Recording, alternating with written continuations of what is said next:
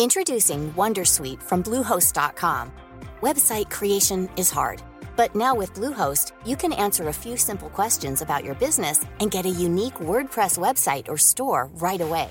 From there, you can customize your design, colors, and content. And Bluehost automatically helps you get found in search engines like Google and Bing. From step-by-step guidance to suggested plugins, Bluehost makes WordPress wonderful for everyone. Go to bluehost.com/wondersuite.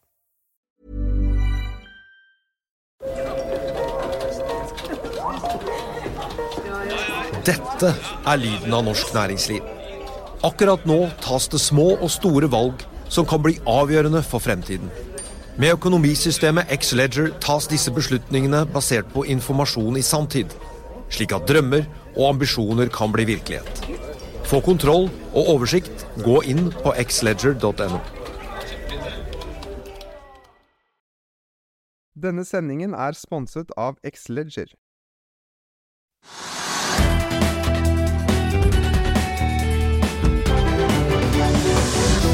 En riktig god torsdag og velkommen til Økonominyhetene på denne 8. september. Oslo Børs eh, får seg et etterlengtet lite løft etter to tøffe dager, men oljeprisen er fortsatt under 90 dollar fatet, et nivå som vi altså havnet nedpå i går og ikke har sett siden januar. Dagens gjest er investeringsøkonom Mats Johannessen i Nornett. Og så skal vi også få teknisk analyse av Hafnia etter da milliardsalget til storaksjonæren i produkttankrederiet. Og så skal vi se nærmere på knivingen mellom Ursula von der Leyen i Brussel og Vladimir Putin om hva en kubikkmeter med gass egentlig skal koste. Men la oss begynne med å se på markedet. Hovedveksten var oppover 1% på det meste i dag. Ligger nå opp en 0,6% med nordsjøolje som handles i spotmarkedet på 88 dollar og 10 cent. Det er opp 0,4% fra gårsdagens slutt. Den amerikanske lettoljen den er nede i under 83 dollar fatet nå, men likevel opp rundt 1 da fra i går. Børsen i Europa var relativt blandet nå i påvente av rentebeskjeden fra sentralbanken i Frankfurt, og futuresene på Wall Street har pekt litt nedover, men har snudd nå til pluss utover ettermiddagen, nå som det bare er en knapp time igjen til børsen og åpner. Vi skal straks eh, se litt på nyhetene fra børsen, men vi må begynne med litt makro. For, for et kvarter siden altså, så kom den europeiske sentralbanken med rentebeslutningen sin, og det ble som ventet en renteøkning på 0,75 prosentpoeng. Litt tabloid kalt en trippelheving.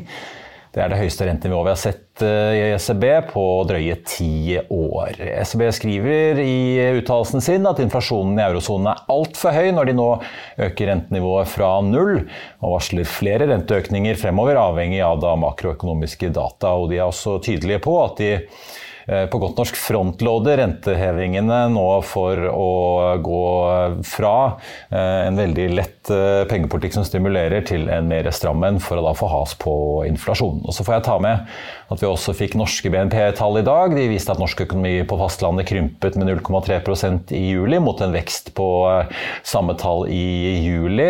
Det var imidlertid ventet en vekst på 0,2% ifølge konsensustall fra Bloomberg. Det er fall i varehandelen og moms- og avgiftsinngangen som bidro til den svake utviklingen ifølge SSB. Samtidig så fortsatte oppgangen i industrien. Seksjonssjef Pål Sletten i SSB peker på at eh, fordi juli er en feriemåned med mye svingninger i aktivitetsnivået i ulike næringer, så er det litt vanskelig å si noe om den underliggende veksten i norsk økonomi.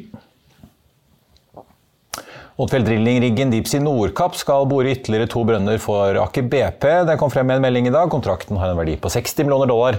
Odfjell Drilling-aksjen er ned 0,8% Så tenkte jeg vi også skulle ta med disse flyaksjene. da. Flyr falt jo hele 11 i går etter at trafikktallene kom på bordet. I dag er aksjen opp 2,9 og henter seg dermed litt inn igjen. SAS-aksjen steg hele 10,8 i går og stiger nye 2,6% i dag. Tidligere i dag så kom det jo frem i DN at den amerikanske dommeren i Chapter 11-saken i USA foreløpig ikke har gitt klarsignal for finansieringsplanen som SAS har inngått med fondet Apollo. Norwegian tikket nedover 0,8 i går og er opp 0,5 i dag. Og så har CO2-fangstselskapet Kyoto Group meldt at de ansatte ansatt Håvard Haukdal som ny finansdirektør. Han kommer fra Hydro og starter i midten av måneden. Den aksjen er opp nesten 3 i dag.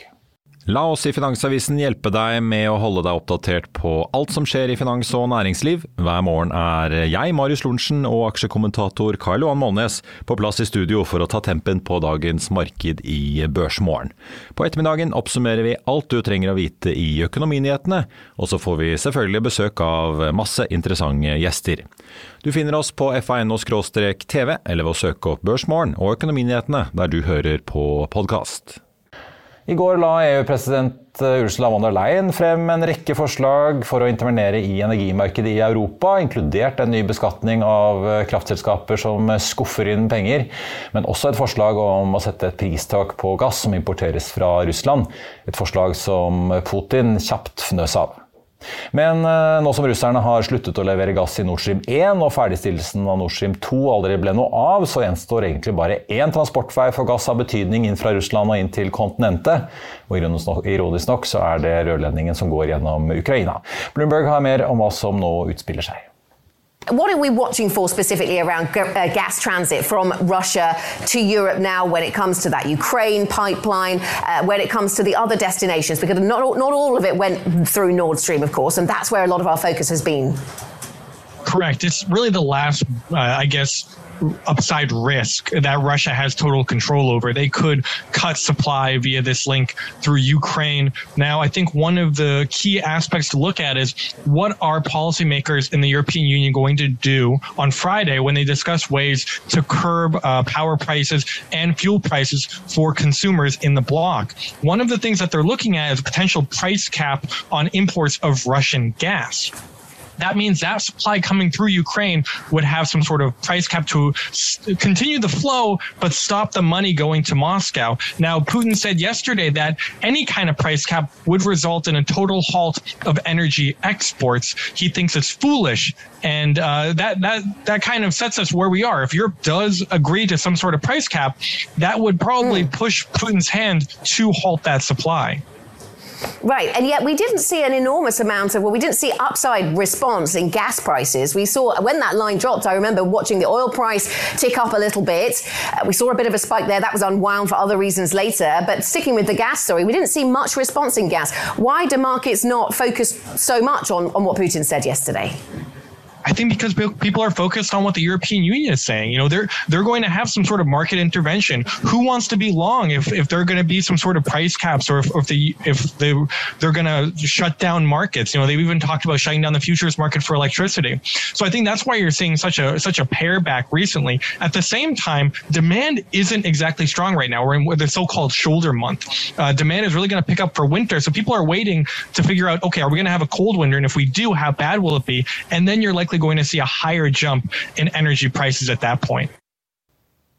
Vi skal ta med et par aksjeslag som har blitt annonsert. Thailandske Bankchak ønsker å selge nesten 2,9 millioner aksjer av sine 47,5 millioner aksjer i oljeselskapet Okea, ifølge en børsmelding. Det tilsvarer en 2,8 av selskapet. Bankchak har jo vært en sentral investor helt siden 2018 i dette oljeselskapet som Erik Borten, eh, Ola Borten Moe og Erik Haugane etablerte i sin tid.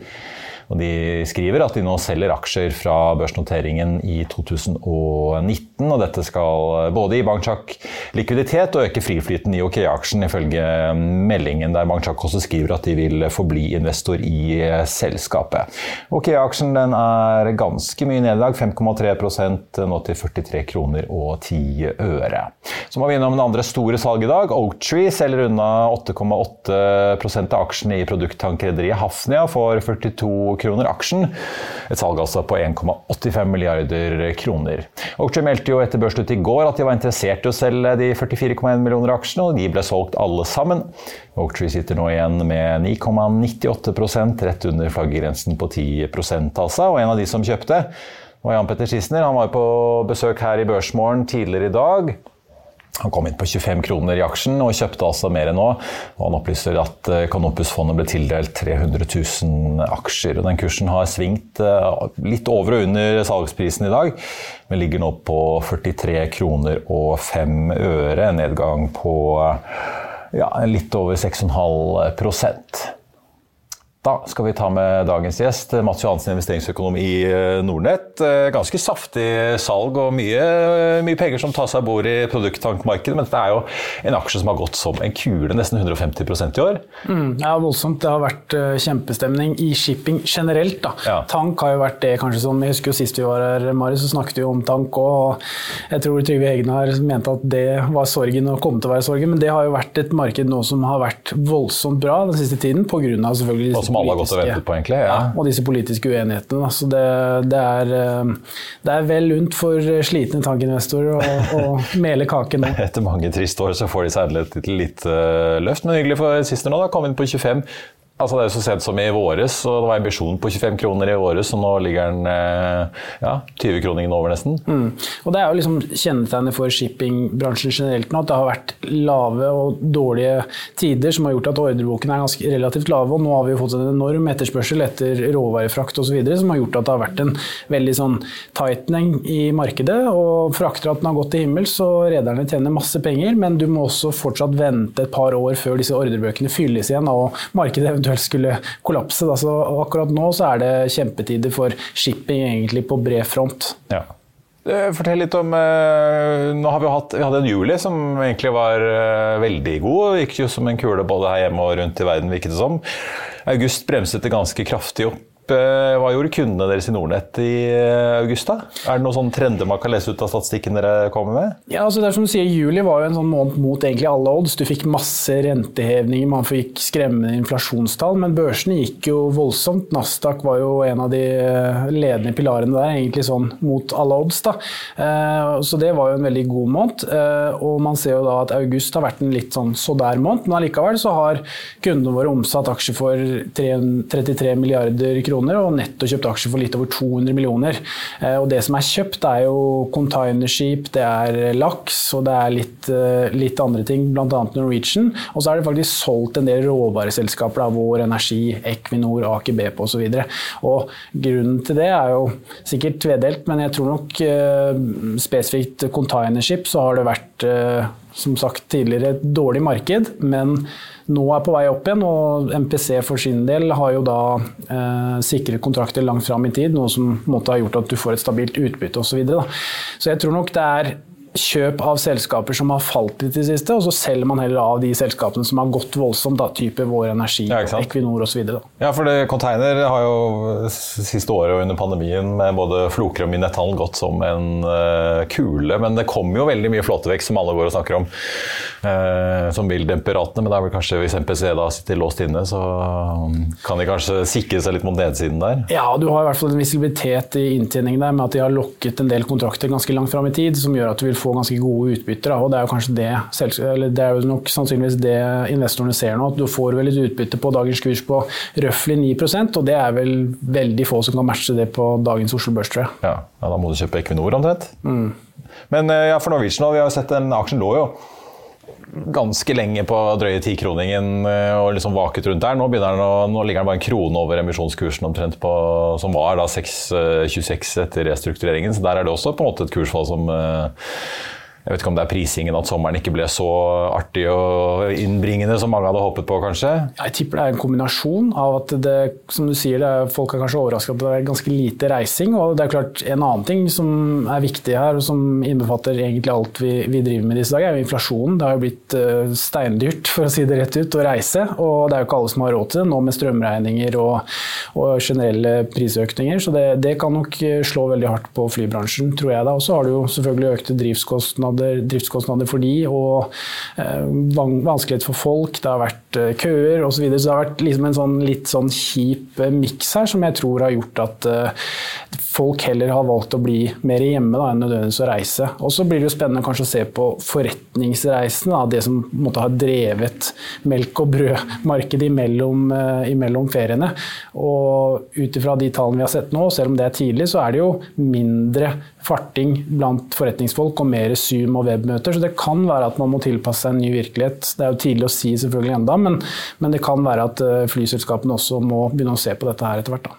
Ja, Geir Carlsen i Norwegian, Da de kom med sin tall her på, i forgårs, så var det jo, skrev han det at uh, forretningsreisen har begynt å reise igjen, at det er uh, aktivitet. Men vi ser jo på trafikktallene fra juli til august, ikke bare for Norwegian, men for Flyer også, at det er ganske stor nedgang i belegg. og det, ikke, det, var ikke sånn rolig avdemping fra august, det var en ganske markant nedgang. Jeg var vitne til to kansellerte fly selv ja, denne uken her, fordi det sannsynligvis var halvfulle, så vi måtte ta et senere fly. Så det er jo klart at det, det er mye sånn nå. og Så blir det jo spennende selvfølgelig å se framover om, om, det tar seg opp. Da. Men jeg tror jo kanskje at man har fått en litt ny virkelighet med, med disse integreringene av webløsninger, at det er lettere å gjøre møter istedenfor fysisk oppmøte. Men som sagt, det er jo bare mine antakelser. Det, eh, det er litt sånn tekniske ting som skjer på børsen uh, i disse dager. Uh, Oslo Børs, eller Euronext formelt, da, er ute med endringene som det har vært spekulert i. Se på OBX-listen, så kommer jo da Vi får ta de som rykker ut, da. Aker Gjensidige og Scatec rykker ut. Kongsberg, PGS og Vår Energi inn. At fornybar er ut og olje inn, det er vel et tegn i tiden, i hvert fall her i Europa og for oss i Norge.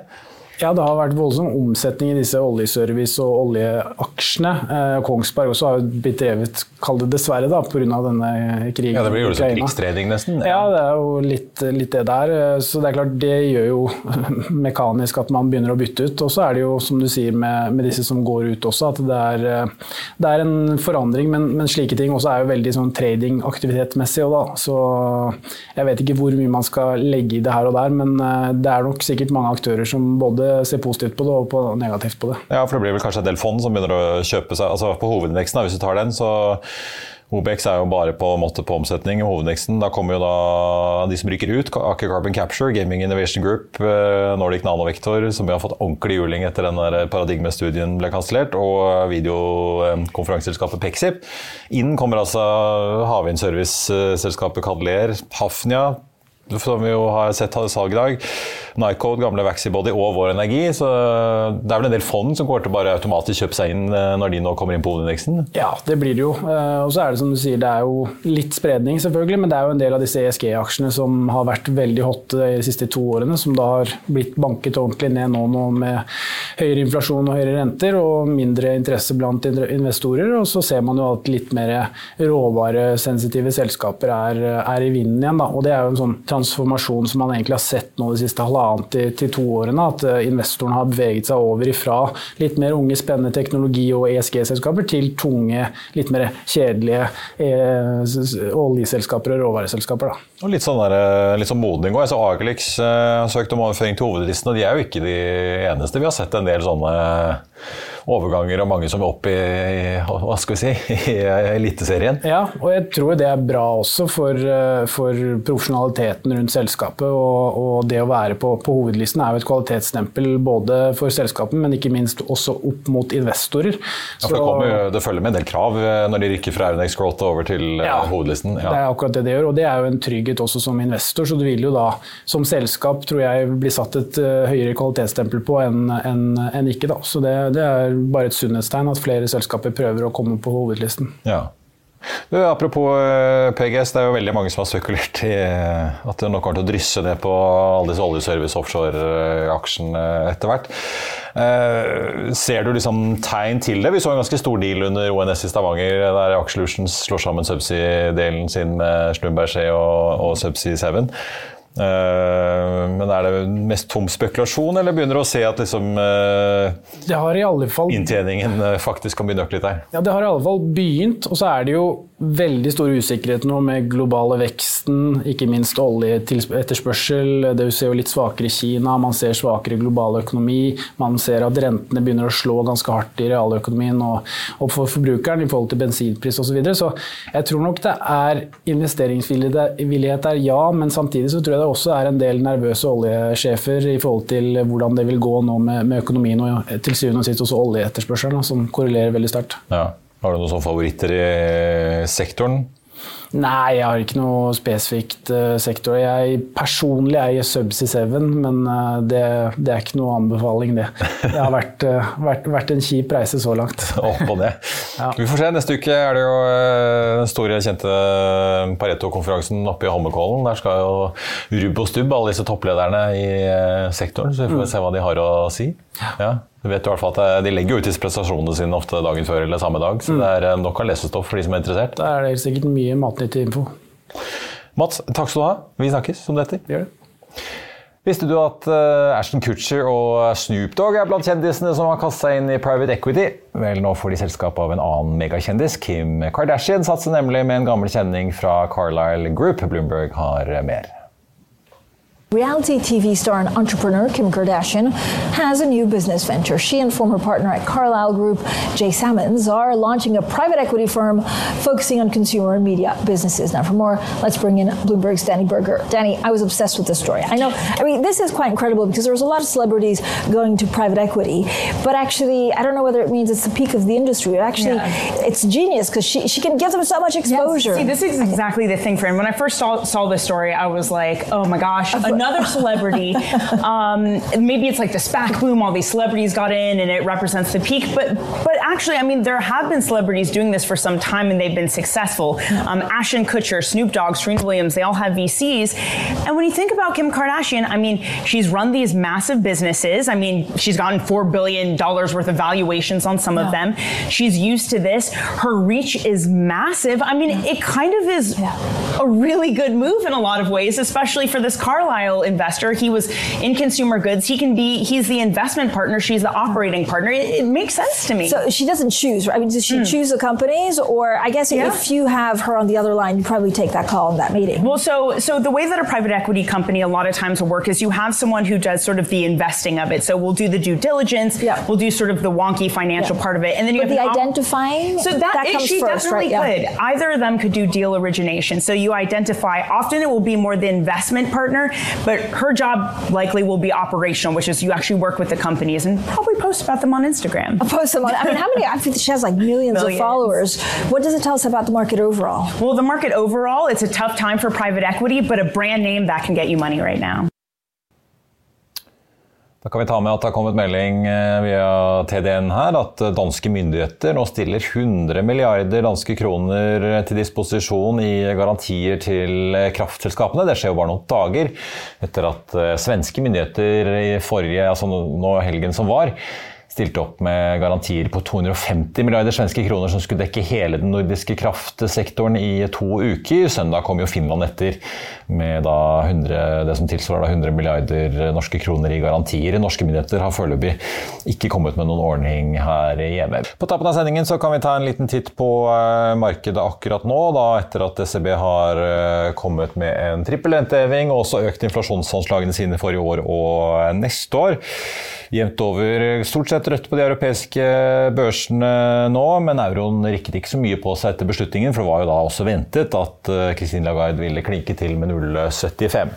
Eh, den eneste indeksen som, utenom Oslo da, som er i grønt eh, av de store europeiske indeksene, er nå Helsinki. Ellers er det jevnt over rødt. Hovedindeksen her hjemme opp en halv prosent til 1184. Så vi er fortsatt ikke helt på nivået på 1200 som vi så for noen dager siden. Hafnia er den mest omsatte aksjen etter da store salget på litt over 1,8 milliarder til Oaktree. Den aksjen er ned 6,6% til 43 kroner og 5 øre. Aksjesalget det skjedde på 42. Ellers får vi også ta med da Okea ned 5,3% etter meldingen om at uh, storaksjonær Bangchak vil selge unna litt av aksjene sine. Og så kan vi også nevne da, se litt på listen over de mest omsatte. Equinor og Vår Energi. Equinor opp 0,9, Vår Energi opp 1,3. Aker BP opp 1,9 rett etterpå. Hydro gjør det ganske bra etter gårsdagens fall. De er opp 2,3% etterfulgt av Telenor opp 0,2 og Nordic Semiconductor opp 1,3. Apple hadde jo et lanseringsshow her i går med nye klokker og telefoner og ørepropper og det som er. Nordic Semi leverer jo da bl.a. komponenter til disse airtagsene. Kunne jo da DNB Markets avdekke her i eh, fjor. Ellers på listen så er Bård eh, inne på mest omsatt på ned 0,3 Rex Silicon opp 2,1 i Finansavisen i morgen så spør Trygve om Jonas Gahr Støre skjønner hva vanlige folk er. Du kan lese om analytikere som reagerer på måten aksjesalget i Okea foregår på. Og Så kan du lese om Arctic Security som høyner i Seadrill, og om gassfraktrater i fyr og flamme. Da er vi ved slutten av denne sendingen på torsdag 8.9. I morgen er det fredag, og da er vi på luften igjen klokken 13.30. Før den tid så er det Børsmorgen 08.55, og i mellomtiden får du selvfølgelig alt det siste nytt på fa.no. Mitt navn er Marius Lorentzen. Takk for at du så eller hørte på, og så ses vi igjen i morgen.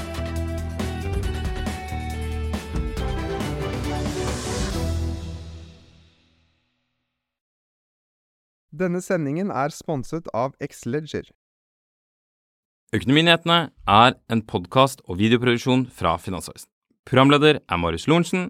Aksjekommentator er Karl Johan Molnes. Produsent er Bashar Johar. Podkast- og videoansvarlig er Marius Mørk Larsen. Og ansvarlig redaktør er Trygve Hegnar.